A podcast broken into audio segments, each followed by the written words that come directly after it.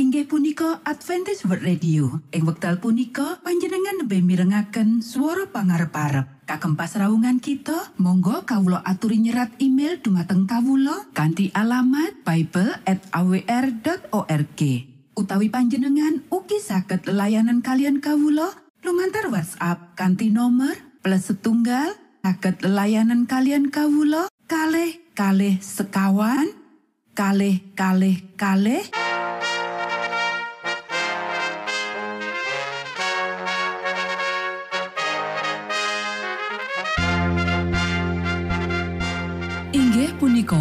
Adventist World Radio ingkang giaran kanthi basa Jawi. Tentrem Rahayu kula aturaken kagem para mitra kinasih ing pundi papan lan panggonan. Sugeng pepanggian malih kalian Adventist World Radio. Kanti bingahing manah Kulo badi sesarengan kalian poro mitra kinasih lumantar saperangan adicara ingkang sampun rinonce mligi kagem panjenengan sami. Mugi giaran punika saged migunani tuwin dados berkah kagem kita sedaya. Sugeng midhangetaken Gusti amberkahi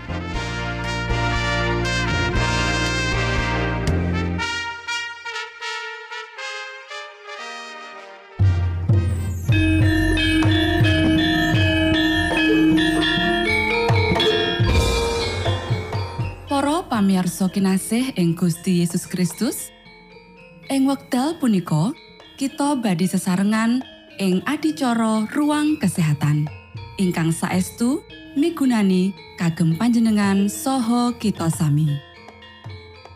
Tips utawi pitedah ingkang dipun aturaken ing program punika tetales dawuhipun Gusti ingkang dipunnyatakaken ing kitab suci. Semanten ugi sakehing seratan ingkang dipun wangsitaken dening Gusti Allah. Nanging saderengipun, monggo kita sami midhangetaken kidung pujian.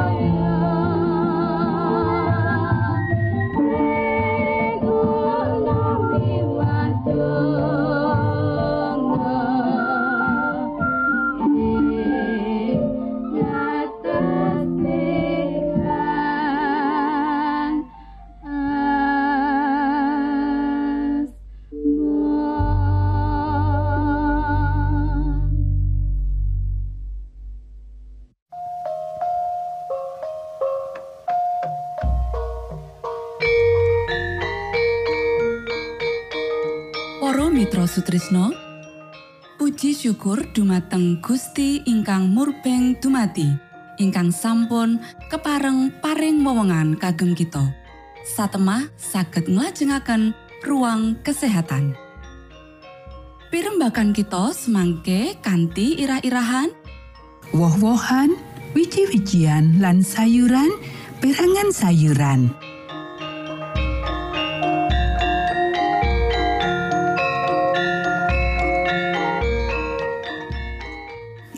dumateng para pamirsa kakung saha putri ingkang dahat kinurmatan sugeng pepanggihan malih kalian kula Isti Kurnaidi ing adicara ruang kesehatan ing dinten punika kanthi irah-irahan woh-wohan wiji-wijian lan sayuran perangan sayuran Para sedherek ingkang kinasih Saben wong kudu ngakoni aji mligi saka sayuran seger lan woh-wohan sing nembe dipetik saka kebun.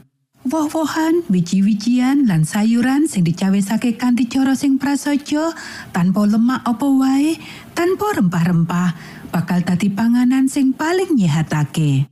Luwih-luwih yen sampeyan nambah susu lan krim. Panganan iki ngisi awak kanthi gizi panuwuhan, menehi daya tahan, nguatake akal sing ora diasilake dening panganan sing rangsang.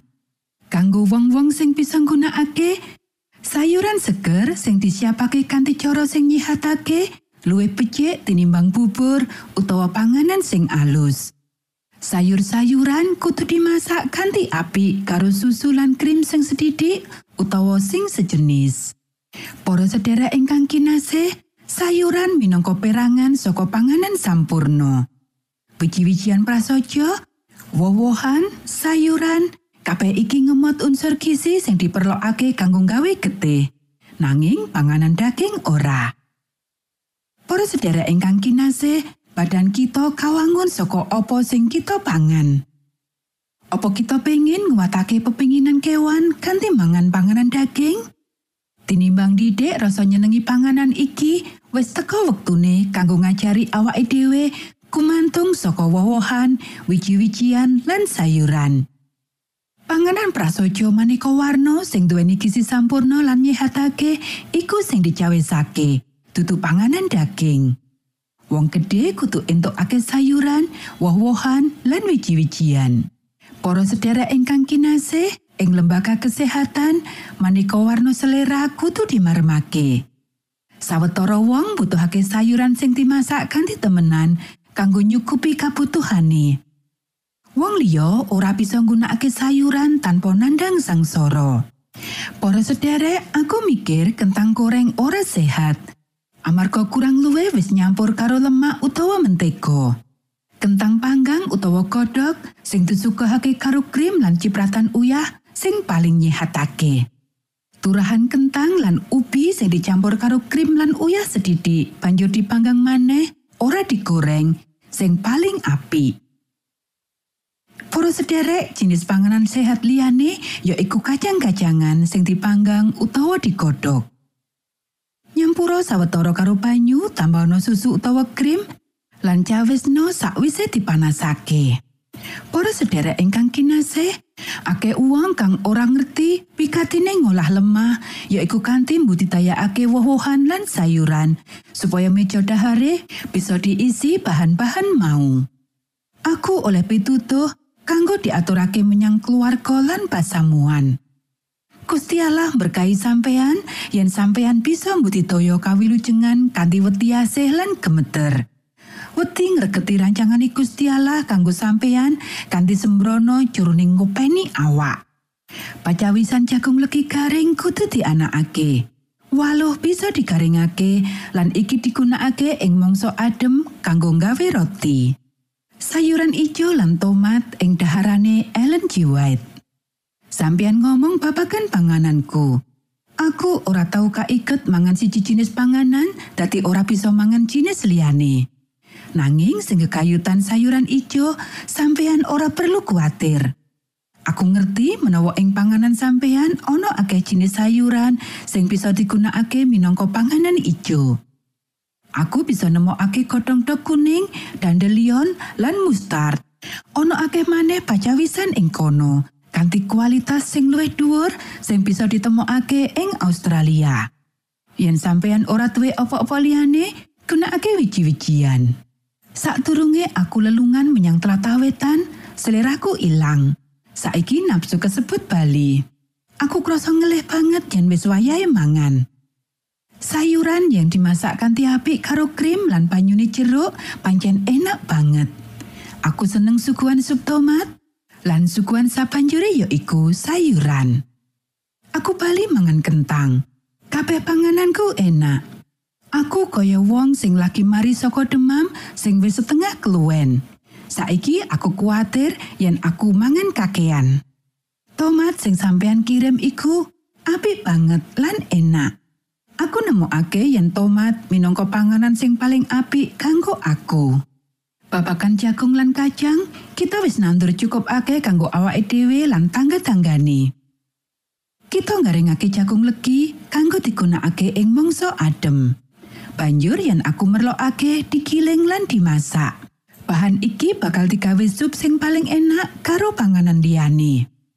Ing mangsane kita oleh tulang brawah, woh anggur, uga plum, apel, sawetara cherries, jambu, lan zaitun kang kita cawe sakit dhewe kanggo panganan. Kita uga nandur tomat saake-ake. Aku ora tau ngresula babakan panganan sing ana ing meja nedha. Aku mikir Gusti Allah ora kerenan yen tumindak kaya mangkono. Tamu kita mangan kaya kita. Podho katon seneng mangan panganan kita. Matur nuwun Gusti amberkahi.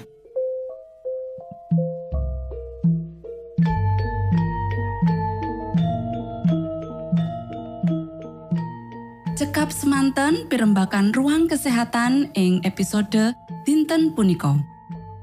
Ugi sampun kuatos jalaran kita badhe pinanggih malih ing episode sak lajengipun.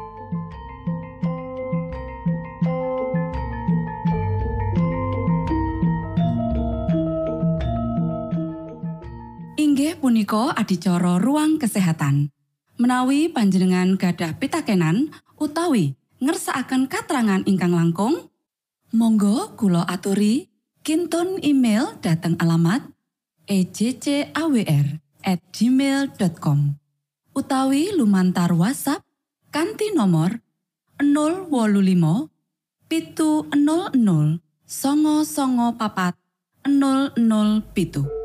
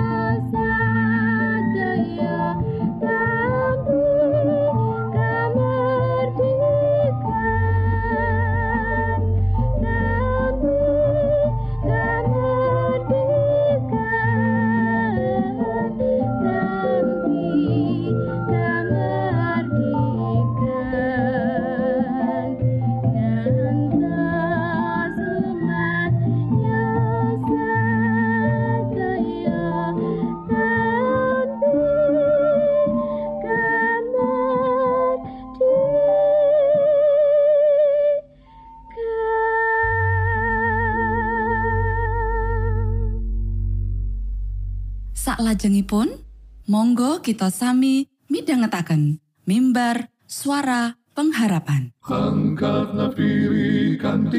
Pawarto Sang Kristus paderamu Pro umat samyo puji asmanyo Sang Kristus paderamu Inggih punika mimbar suara pengharapan. Ing episode punika kanthi irah-irahan Kuwaos pandonga. sugeng midhangetaken. Minangka tondo Sang Kristus paderamu ilmu kawero tambah lan tambah Sang Kristus paderamu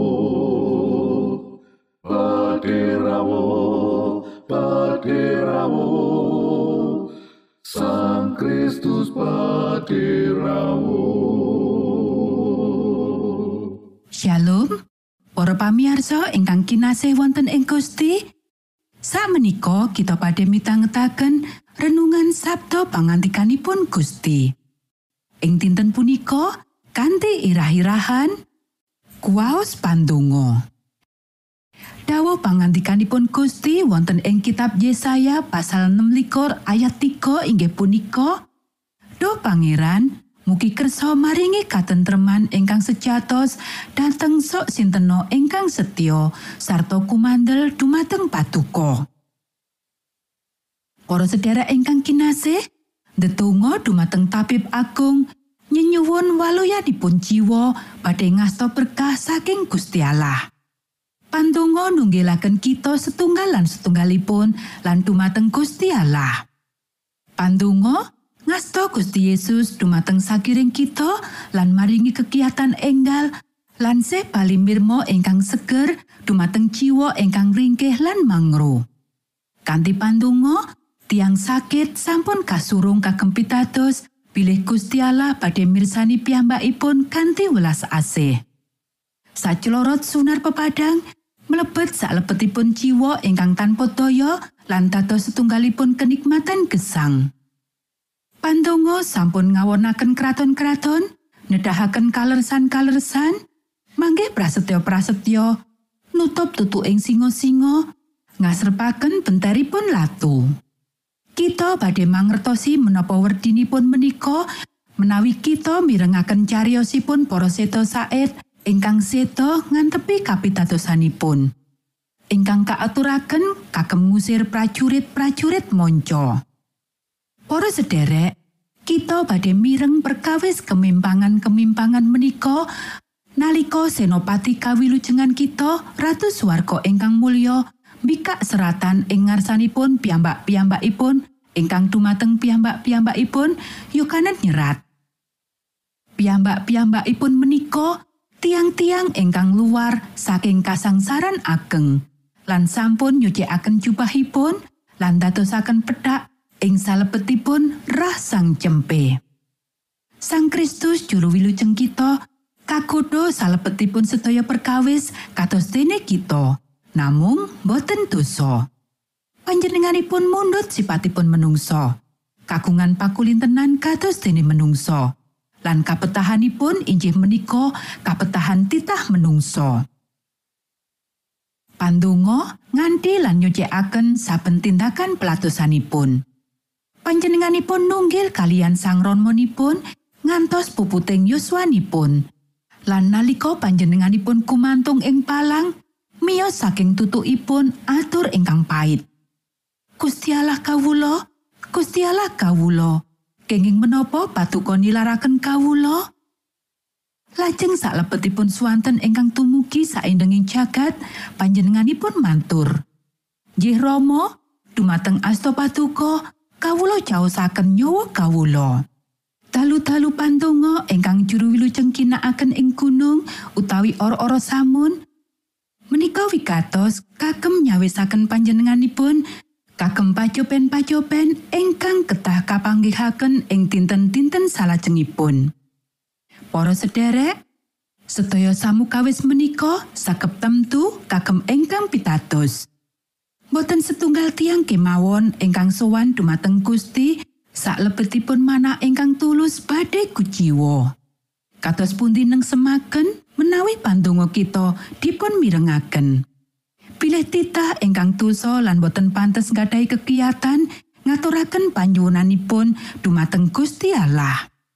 Kita ngunjukaken atur-atur ingkang ngantos dampar kraton jagat raya.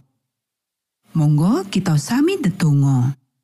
Duh Rama kawula ingkang wonten ing swarga, asma patuko mugi kasucikaken. Kraton patuko mugi rawuh.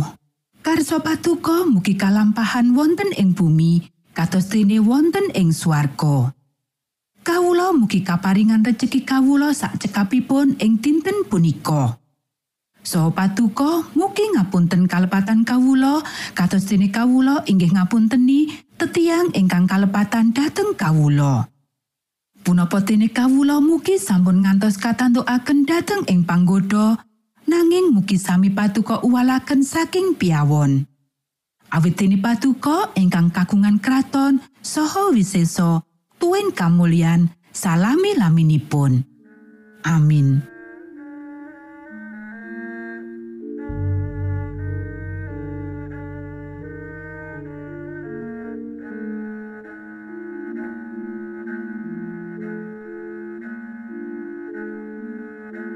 Para Mitra Sutrisno pamiarsa kinasih ing Gusti Yesus Kristus. Sampun paripurno pasamuan kita ing dinten punika. Inggih awit winatesipun wekdal pramila kita pisah sawetawis. Menawi panjenengan gadah pitakenan utawi ngersakaken seri pelajaran Alkitab suara nubuatan Monggo Kulo aturi kintun email dateng alamat ejcawr at gmail.com utawi lumantar WhatsApp kanti nomor 025 pitu 00 songo songo papat 00 pitu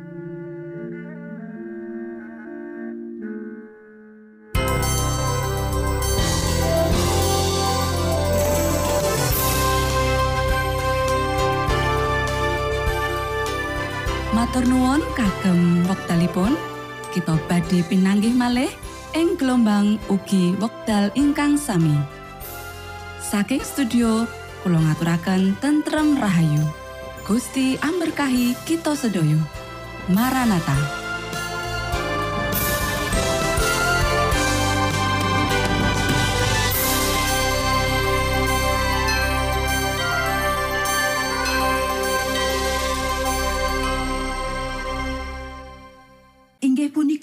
Adventist World Radio. Ing wekdal punika panjenengan lebih mirengaken swara pangarep-arep. Kagem pasraungan kita, monggo kawula aturi nyerat email dumateng kawula kanthi alamat bible@awr.org. Utawi panjenengan ugi saged layanan kalian kawula lumantar WhatsApp kanthi nomor plus setunggal saged layanan kalian kawula kalih kalih sekawan kalih kalih kalih